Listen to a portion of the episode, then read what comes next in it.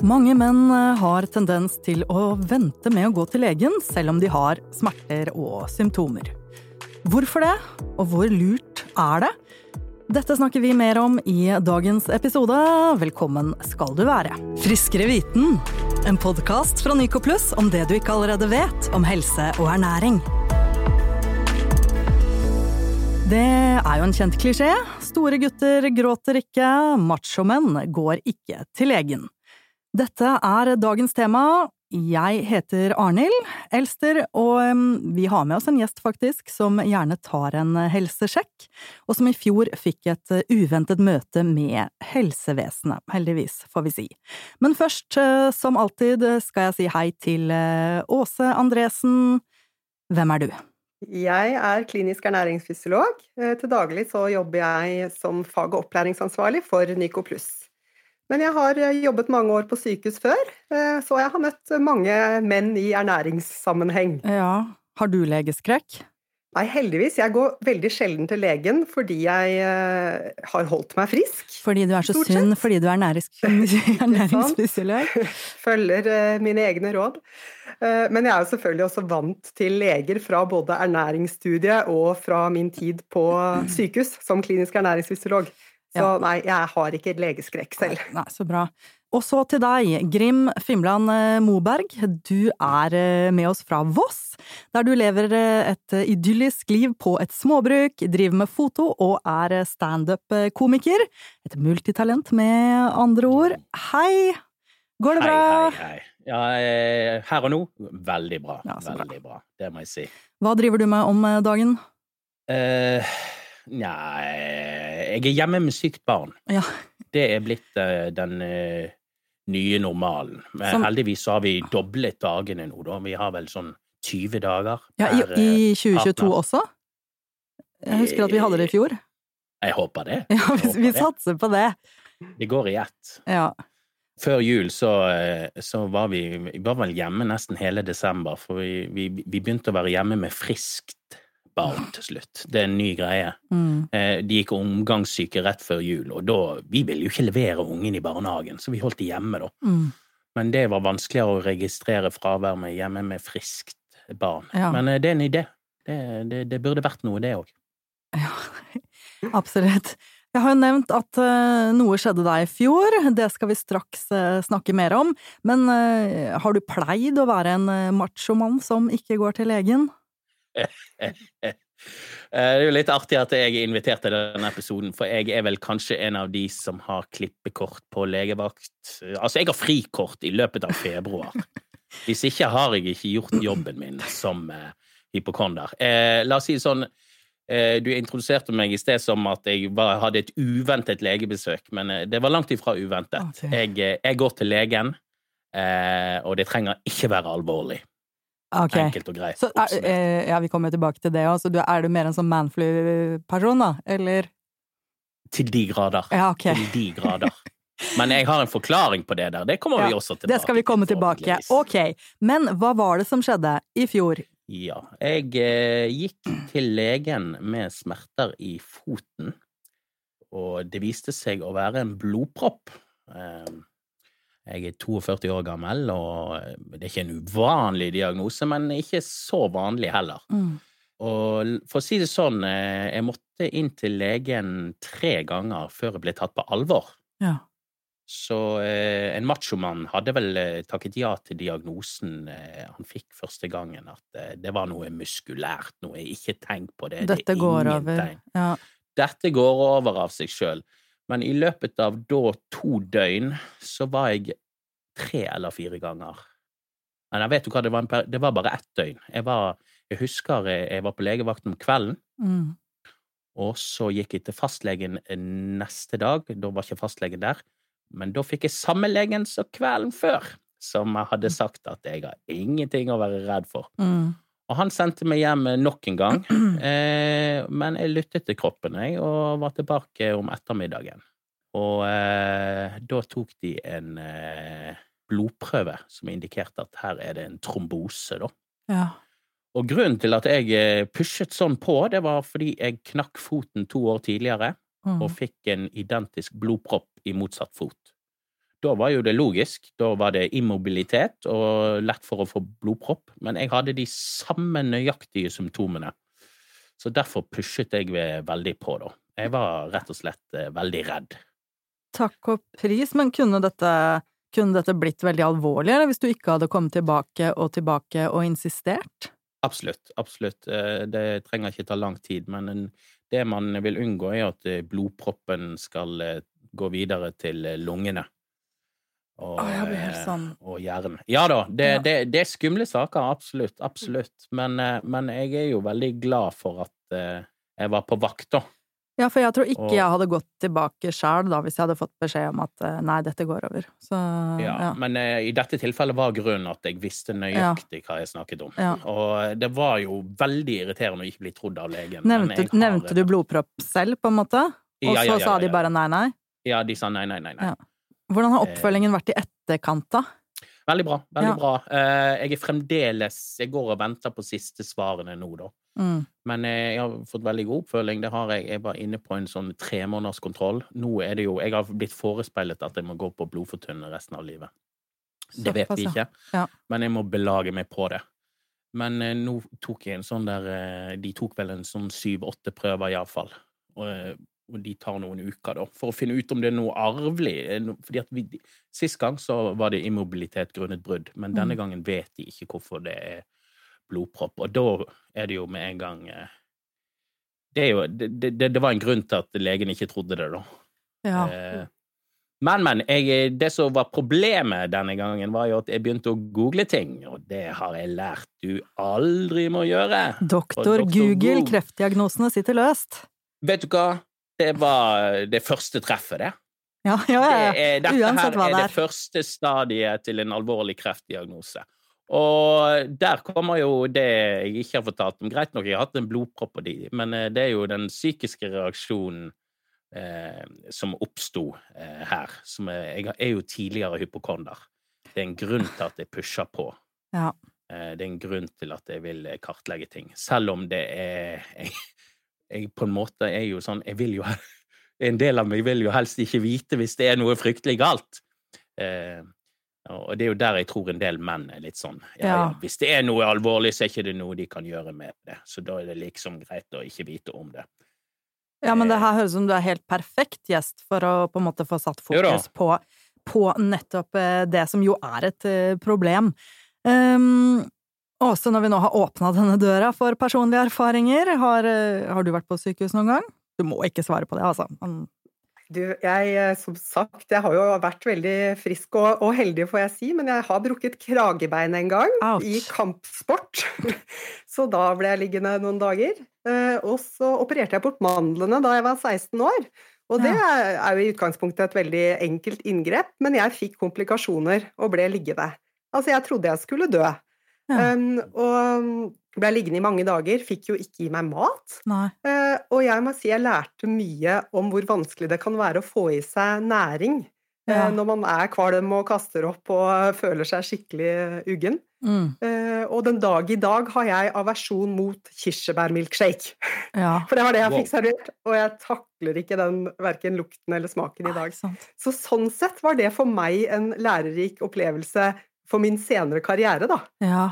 ja sønnen min tok uh, mandlene, og han, det tok veldig lang tid for han ville spise is igjen, faktisk. For da måtte han liksom spise is hele tiden, for det var det, ja, det han ja. skulle ha i seg, og som også var sånn kaldt. Men, men, men, grunnen til at de spiser is når de tar mandler, er det, er det som en sånn uh, belønning, eller er det fordi det lindrer uh, smerten? Ja, begge deler. Men det er fordi det lindrer smerten, og fordi du ikke kan spise harde ting, da. At det er mykt. Så også, ja. Mm.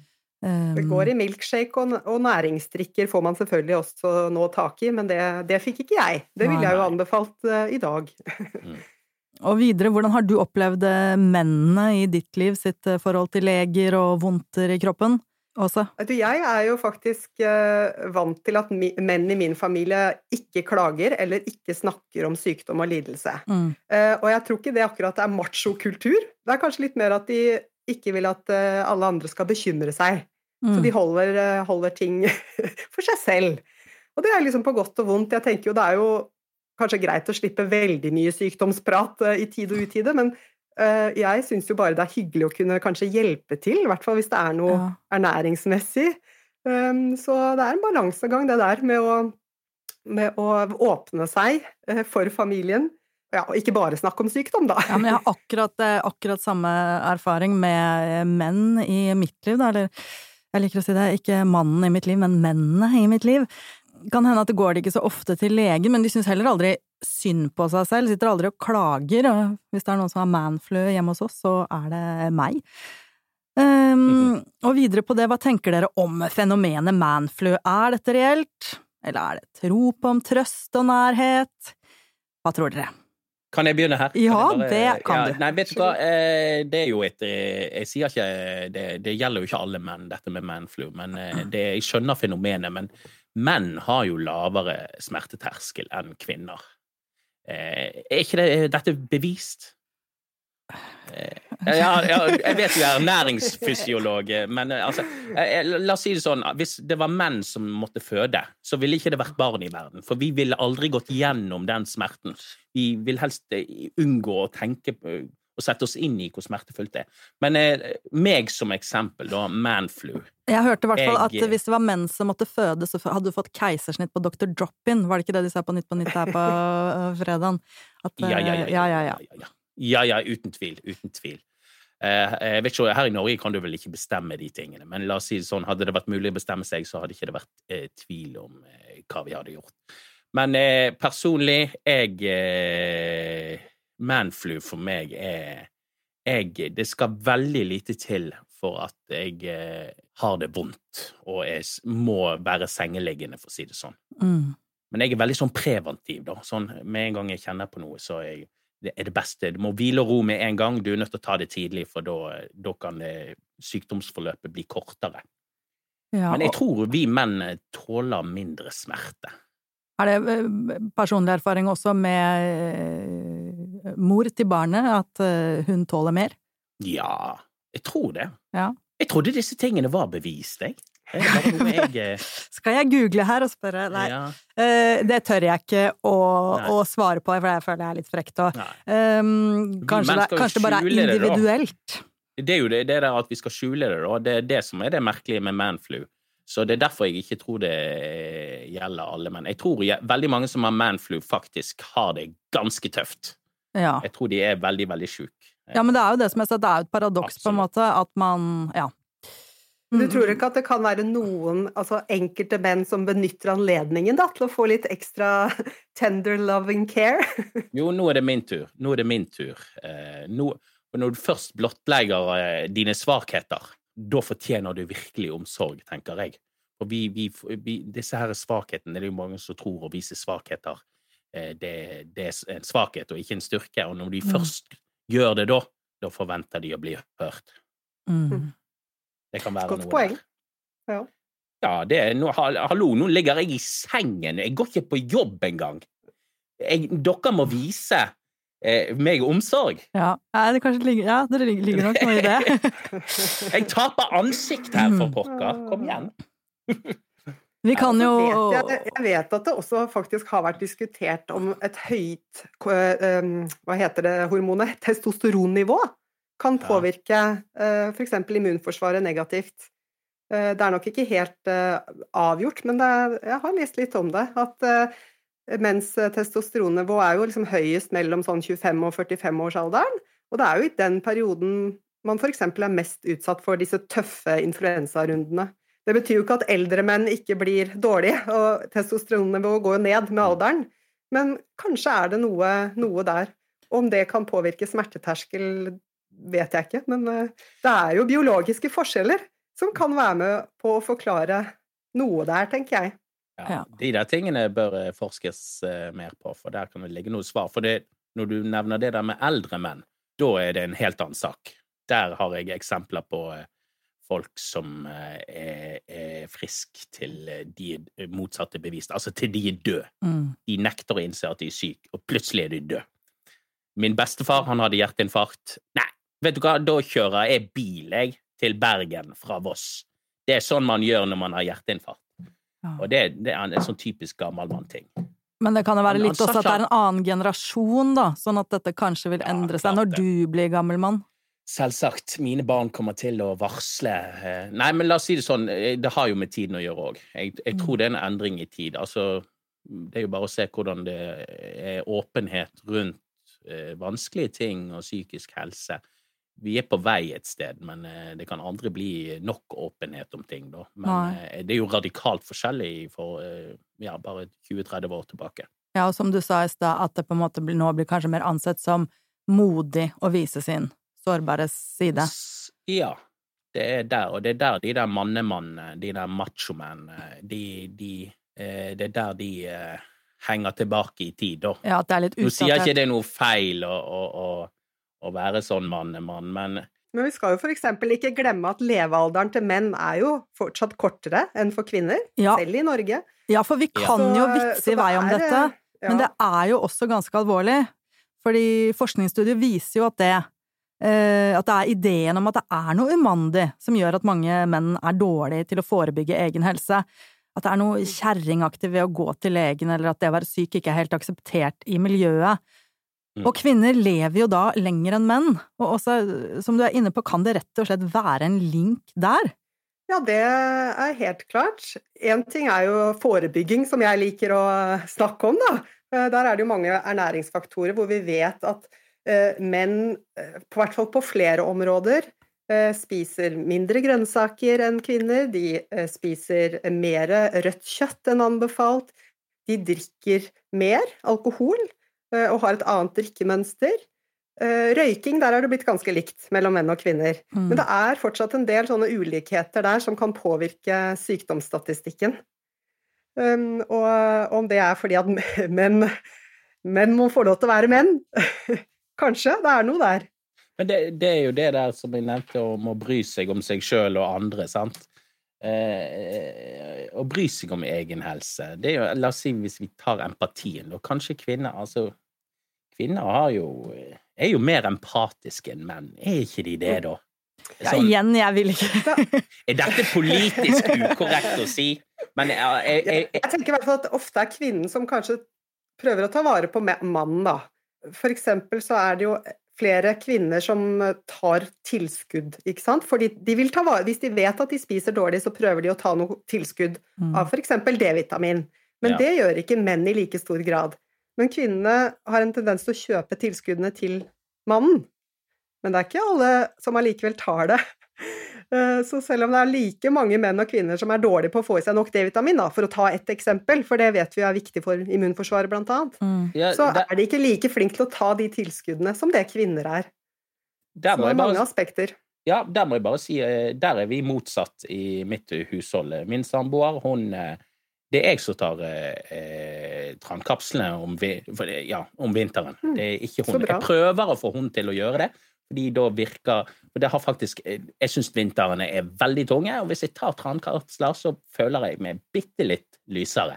Eh, jeg vet ikke om det er placebo eller hva det er, men eh, det er iallfall en feeling jeg har. Men hun, jeg er den eneste som tar eh, dette tilskuddet. Eh, så Men, spiser, men spiser hun sunnere enn deg, da? Er hun kanskje Nei. bedre på feit fisk og du, eh, vet du hva, vi har helg hele uken, vi. Eh, eh, du vil eh, altså som ernærisk fysiolog eh, Ernæringsfysiolog, er det det tittelen din Ja. er? Ja. Klinisk, til og med. Klinisk Ja, vi trenger klinisk ernæringspsykolog på besøk hos oss.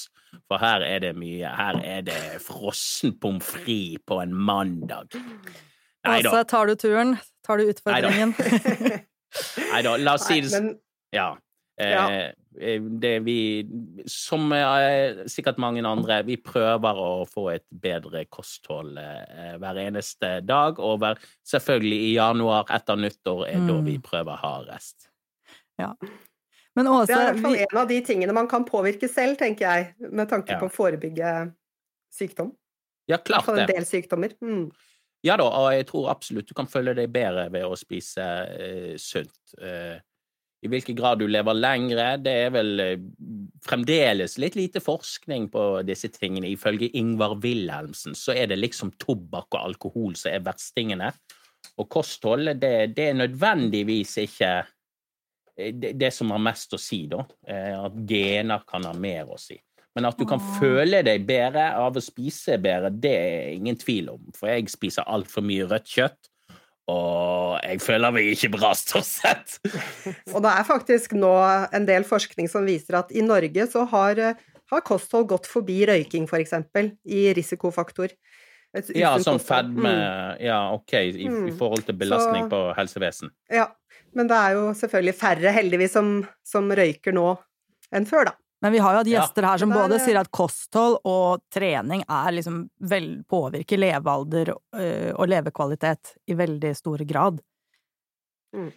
Ja, altså Trening, altså eh, Eller akti Frisk luft og fysisk aktivitet, bare aktivitet. aktivitet, ja. Ja, absolutt gjør det det. det. Mm. Jeg er jo ikke noe friluftslivmenneske, men jeg vet jo hvilke effekter det har på kroppen min. Eh, hadde jeg virkelig ønsket å, å, å øke livskvaliteten min, så hadde jeg jo selvfølgelig vært mye mer utendørs og spist mye mer sunt. Men det det, det å ville det nok, sant. Mm. Og da må du gjerne ha, eh, ha press på deg. Og en blodpropp i foten, ja, det er press nok, det. Eh, jeg var til legen i, nå i begynnelsen av året, eh, mandag, eh, og da, eh, da fikk jeg eh, diagnosen alvorlig fedme. 37 på BMI. Eh, er du over 35, så er det et eller annet sånn alvorlig fedme. Så eh, jeg fikk en sånn frisklivsresept. Så nå er de kommunale helsetjenesten grepet fatt i meg, da. For å få Ja, meg på rett Så bra. kjøl. Så nå er det fysioterapeuter og kliniske ernæringsfysikere Jeg har glemt hva det heter, men uansett. Fysiolog, ja. ja. Det er hjelp å få, da. Så det. Men det å ville det nok, det er jo det som er nøkkelen her. Jeg er glad i det gode liv. Jeg er glad i ost. Jeg er glad i god mat. Jeg er, ja. Har du Sånn sett på bare. programmet til Ronny Brede også?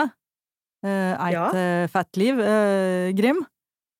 Du, jeg har blitt anbefalt For det høres, det høres ut som å høre på han, det du sier nå. Ja. Um, og det er et veldig lite moraliserende og veldig fint program som uh, jeg, jeg, ja. jeg skal absolutt se det. Ja. det. Men jeg er jo i den oppfatningen at du kan ikke ha null underhudsfett og ha et lykkelig Nei, og det er hele poenget der. Og at ja.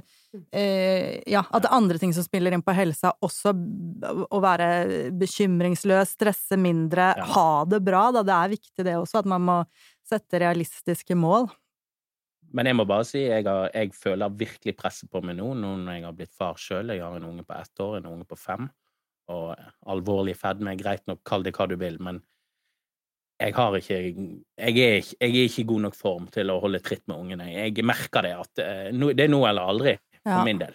Ja, det er en sånn viktig motivasjonsfaktor. Ja. ja, Ronnys mål var sånn helt eh, å komme ned til vanlig fedme og unngå den eh, alvorlige kategorien. Det var sånn sommerkroppen, alvo eh, vanlig fedme, helt vanlig fedme. Ja, kjempegøy. Ja. Åse, tilbake til dette her med mm, menn som ikke går eh, til legen. Hadde du noe mer å si om det, om hva som er eh, grunnen til det? Nei, vi har jo vært litt inne på dette med at det er en del som, menn som eh, ikke oppsøker eh, helsehjelp tidlig nok. Eh, Du var jo på, Grim, Mm. og godt er det, men det er mange som kvier seg f.eks. For, for å sjekke prostata. Fordi det innebærer en eh, finger i endetarmen. Mm. Og det er klart, Fra en fastleges side så er jo det en helt normal del av hverdagen sin, men det er ikke det for en mann. Det er liksom kanskje ikke så naturlig. Så jeg skjønner at det ikke er særlig gøy med en sånn sjekk, men det er faktisk veldig nødvendig for å oppdage prostatakreft tidlig. Mm. Og det er jo ikke sant? Det er et, et eksempel som, på en sykdom som bare menn får, og ikke kvinner. Mm. Eh, og de, hvis de ikke unngår å gå til legen for å få det sjekket, så når man først venter til man har fått symptomer, da er det ofte for sent. Mm. Så det er liksom ett eksempel på hvor viktig det er å gå tidlig nok. Ja, og som er alvorlig. Og ikke være macho-mann akkurat på det. Ja. Er det ikke Ja. også en greie at i tillegg til å ikke gå til legen, at menn har større tendens til å også ikke bli hjemme fra jobb? Fordi Ja, det, er litt sånn fislete, eller ja. Ja, det der, nå er jo jeg eh, som sagt en manflu-mann, så jeg holder jo seng med en gang det er signaler på noe. Men eh, det er mulig det er mer mandig å stå i det. Eh, Ja, men som komiker og sånn, da, å avlyse et show, eller liksom Fordi du føler deg litt Ja. pjusk, er- sitter det langt inne, eller? Ja, det gjør jo det, men eh, jeg har hatt omgangssyke og avlyst show, for du Ja. vil jo ikke stå på scenen og drite deg ut, bokstavelig talt. Eh, og så har jeg avlyst show grunn av eh, sceneskrekk, faktisk. Psykisk. Det, det, det er mangt. Men det sitter veldig langt inne, absolutt. Men jeg må nå tro den der legeskrekken, altså. Det, det, altså, det er jo selvfølgelig ingen enkeltsvar her, men uh, det er vel et eller annet Noen kan jo være skeptisk, sant, for du hører historier eh, om, om legetabber, sant, og så henger de seg veldig opp i det. Så har de en sånn mening om at ja, legen kan ikke gjøre så mye fra eller til, sant. Kroppen leger seg sjøl, hvis ikke så er ikke det noe legene kan gjøre. Det er sånne Mm. holdninger som kanskje henger eh, eh, igjen fremdeles. Og du vil, altså skal man dø, så vil man helst ikke vite om det, da. Det er sånn veldig naiv og veldig sånn eh, ja, gammeldags tankemåte. Selv om du ikke representerer det selv, så kjenner du igjen dette mønsteret. Jeg vet ikke, hvis du er komiker, er det Ja. sånn mannsdominert eh, miljø også, det, kjenner du igjen dette blant kompiser og sånn at det er Ja da, man, ja. ikke mandig, på en måte, Jo, altså, nå mener jeg det er så stor forskjell på eh, menn at eh, ja, å sette de i bås eh, Jeg kjenner jo til denne typen mannfolk, det gjør jeg. Men, eh, men eh, de fleste jeg omgås, er, er gjerne ikke i denne kategorien. Men, men det er jo det å, å tenke at hvis, Altså, min bestemor Jeg, jeg nevnte min bestefar med hjerteinfarkt, men jeg Mm. hadde jo en bestemor òg som eh, ikke skulle være til bry. ja. Skal ikke være til bry, sant? Så i hvilken grad det er kjønnsbestemt? Eh, mulig men i større grad, men eh, det kan jo redde livet ditt å gå til legen, da. Har det noen gang eh, streifet deg? Så eh, ja. Det, det er jo der jeg er, for å si det sånn. Ja, ja, ja. Jeg, jeg vil være kjappest mulig ute. Selv om jeg, når jeg var ung, så var, vegret jeg meg veldig for å gå til legen. For jeg, jeg er redd for å få en alvorlig beskjed. Ja. Og det, det, det vil jeg unngå. Og jeg er fremdeles livredd for det, men jeg vet innerst inne at det kan være lurt. Det er liksom Ja. Det er bedre å ha sjansen til å gjøre noe med det. Ja, tenk hvor kjipt, da. Ja. Eh, men jeg tror, jeg tror noen er, er i denne oppfatningen at hvis det er noe virkelig alvorlig, så kan ikke legen gjøre så mye. Ja, men det er i hvert fall, som du også sier, at det er ikke nødvendigvis fordi det så, har nok så mye med mandighet å gjøre, men Nei. at uh, det kan være ulike grunner Ah, til uh, Ja, eh, ja uh, men om menn er overrepresentert der, det, det, i hvilken grad, det vet jeg ikke. Men eh, ja, jeg, jeg tror ikke det er så mye med mann og kvinne å gjøre, nødvendigvis. Nei. Jeg kjenner til, eh, til flere kvinner som kunne vært omtalt eh, med de der skal ikke være til bry og, og, og klare å gå rundt og ha det vondt uten å plage andre, Ja. å si det sånn. Også, Men, men det er du interessant. Ja. Mm. ja, men det er det. Og dette her tar en litt annen retning enn vi først tenkte. At det er ikke sikkert at det bare handler om eh, machokultur. Ja. Ja. Ehm, men i den grad det gjør det, også, hva tenker du om hvordan det eventuelt også påvirker da, familien og pårørende? Nei, det er jo det er jo i hvert fall eh, forskning som, som viser at det er flere kvinner eh, som uttrykker engstelse for mannens helsetilstand, enn en menn som bekymrer seg selv da, for sin egen helse. Mm. Eh, men selvfølgelig er det, er det individuelt. Men er vi tilbake til at kvinner bryr seg mer? Ja, kanskje. Dette er kontroversielle At kvinner har mer empati? Denne brannfakkelen. Det er jo eh, sånn følelsesmessig så skjer det jo noe når man får beskjed om sykdom også. Eh, Det er jo frykt og fortvilelse, stress og angst. Ja, og det, det Der er jeg tilbake til Ingvar Wilhelmsen, at folk med reelle problemer takler det gjerne bedre enn de som har imaginære problemer. Det er jo Mm. ofte med Altså, la oss si når du får en dødsdom, da, så går du inn i et beredskapsmodus og, og klarer å forholde deg til det her. Eh, At vi har sånne mekanismer i kroppen. Eh, Så å gå rundt og være redd for å få diagnosen, eh, det er jo det store deler av mitt liv har vært. Eh, Mm. Og det, det kan være ganske ille. Men så skjer det visst et eller annet hvis du havner i en situasjon. Men da vil du jo at det skal være leger til stede. Du vil jo ha Ja, profesjonelle helsepersonell. Og det er det, det er det, sant. Å bry seg om seg sjøl og bry seg om andre, og få mannen sin til å gå til legen. Det er jo egoistisk å la være. Husker min onkel òg. Jeg har så mange onkler, jeg kan oute de. eh, Det er ingen som vet hvem jeg Hvem som om. hvem. Det var som- Ja, det var en som hadde så jævlig vondt. Han har hatt det flere ganger. Han har så jævlig vondt, og så sier han nå er det kreft. Ja, gå til legen nå. Nei. Nei. Det, hva kan de gjøre? Og, ja, perfekt eksempel på uh, denne mannemannen. Jeg tror faktisk når det gjelder føflekkreft, så er det flere kvinner som rammes av det, men det er flest menn som dør av det. Så det er jo ett eksempel. Virkelig. Så, og jeg kan jo også nevne et litt, eh, jeg vil ikke si morsomt eksempel, men eh, illustrerende eksempel fra den rapporten eh, 'Å være mann og håndtere sykdom', som er laget av Oslo universitetssykehus og Reform ressurssenter for menn, som ser på dette temaet. Og der var det en mann som ble intervjua. Han, han var under 40 år, hadde et hjerteinfarkt. Da ambulansepersonellet kom, så sa han nei, jeg trenger ikke legehjelp. så ikke sant, det er jo ganske ekstremt. Altså, det er jo mulig Og det motsatte av manflu, i hvert fall. Ja. Ja. Absolutt. ja, det var jo som min bestefar som kjørte Han, han fortalte jo ikke om hjerteinfarktet sitt før flere år etterpå. Eh, eh, men, men altså, det, det der det, det, det Da kjenner ikke du til symptomene, tenker jeg. Eller Det er et eller annet at du nekter det. Ja da, mye er nok litt sånn eh, Ja, han, eh, ikk- ja fornekte 'jeg er frisk', det er eh, Jeg vet ikke, kanskje Ja, men er det ikke et eller er annet med at liksom man, ja. man på arbeidsplassen og sånn, at det er det, er på en måte no, det sies jo at det er vanskelig for menn bare å ta et par, par måneders pappaperm, da, at det er eh, Mm. vanskeligere å være borte fra jobb, at det er mindre akseptert, på en måte, eller man føler på Ja, at det er det, det. i hvert fall. Mm. Det var jo også et eksempel fra denne rapporten jeg nevnte, at det var en som sa at han heller sa opp jobben enn å sykemelde seg. Ja. Ja, Um, vet du ja. Ja, og Vet no er wonder da det med pappaperm, at at det blir vanskelig, i hvert Mm. fall da hvis det er vanskelig å ta et par sykedager.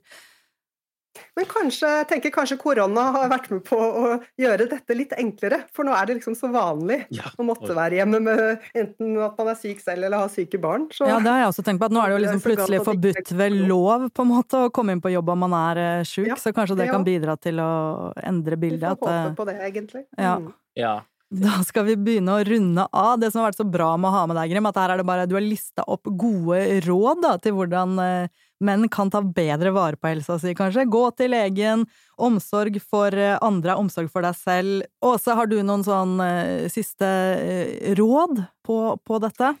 Eh, Nei, jeg tror også det er i den rapporten jeg nevnte, at eh, det kom fram at menn sier selv at de gjerne vil ha mer eh, informasjon tilgjengelig på nettet. Eh, Og, så det er jo viktig å tilrettelegge også, sånn at de kan oppsøke korrekt informasjon, og ikke bare doktor Google. Ja, for det var jo han doktor Google kan- igjen. Ja. Ikke sant? At man har eh, brukerorganisasjoner som Nav, eh, mestringstilbud, sånne ting, da. Tilbud for menn. Det kan Ja. kanskje hjelpe, og det er etterlyst av menn selv. Amen. Ja. Ikke minst når det gjelder ernæringsinformasjon. Ja. Men Mm. online-konsultasjon bør jo være, være bra, da. Så slipper du å Mm. bli sett på et venteværelse. Mm. Så kan du gjøre det fra telefonen din. Ja. Og så tenker jeg jeg at ikke. det er viktig å ta tak i de tingene man selv kan gjøre noe med. Ja, Mm. absolutt. Nå skal vi runde av, dere. Jeg er overraska over at kvinners høyere levealder kan være direkte knytta til at menn tar dårligere vare på helsa si, for jeg var sikker på at det var en sånn helt biologisk eh, greie. Så eh, ta det litt på alvor, oppfordre hverandre, og kanskje, eh, som vi sa, lære det av korona, at du er ikke kjip om du ikke går på jobb, det kan være det riktige. Det er viktig å ta vare på seg sjøl, fordi det er folk som bryr seg om deg. Det er vakkert. Ja. Takk for at du kom, Grim Fimland Moberg, og at du ville dele litt om dine personlige erfaringer. Det har vært veldig interessant og morsomt. Takk, Åse. Og hyggelig at du ville høre på. Kom gjerne innom oss på Facebook, Nyco pluss altså. Del dine Manflu-historier, eller eh, kom med spørsmål eller innspill. Ha en frisk og fin dag videre, så høres vi om en uke.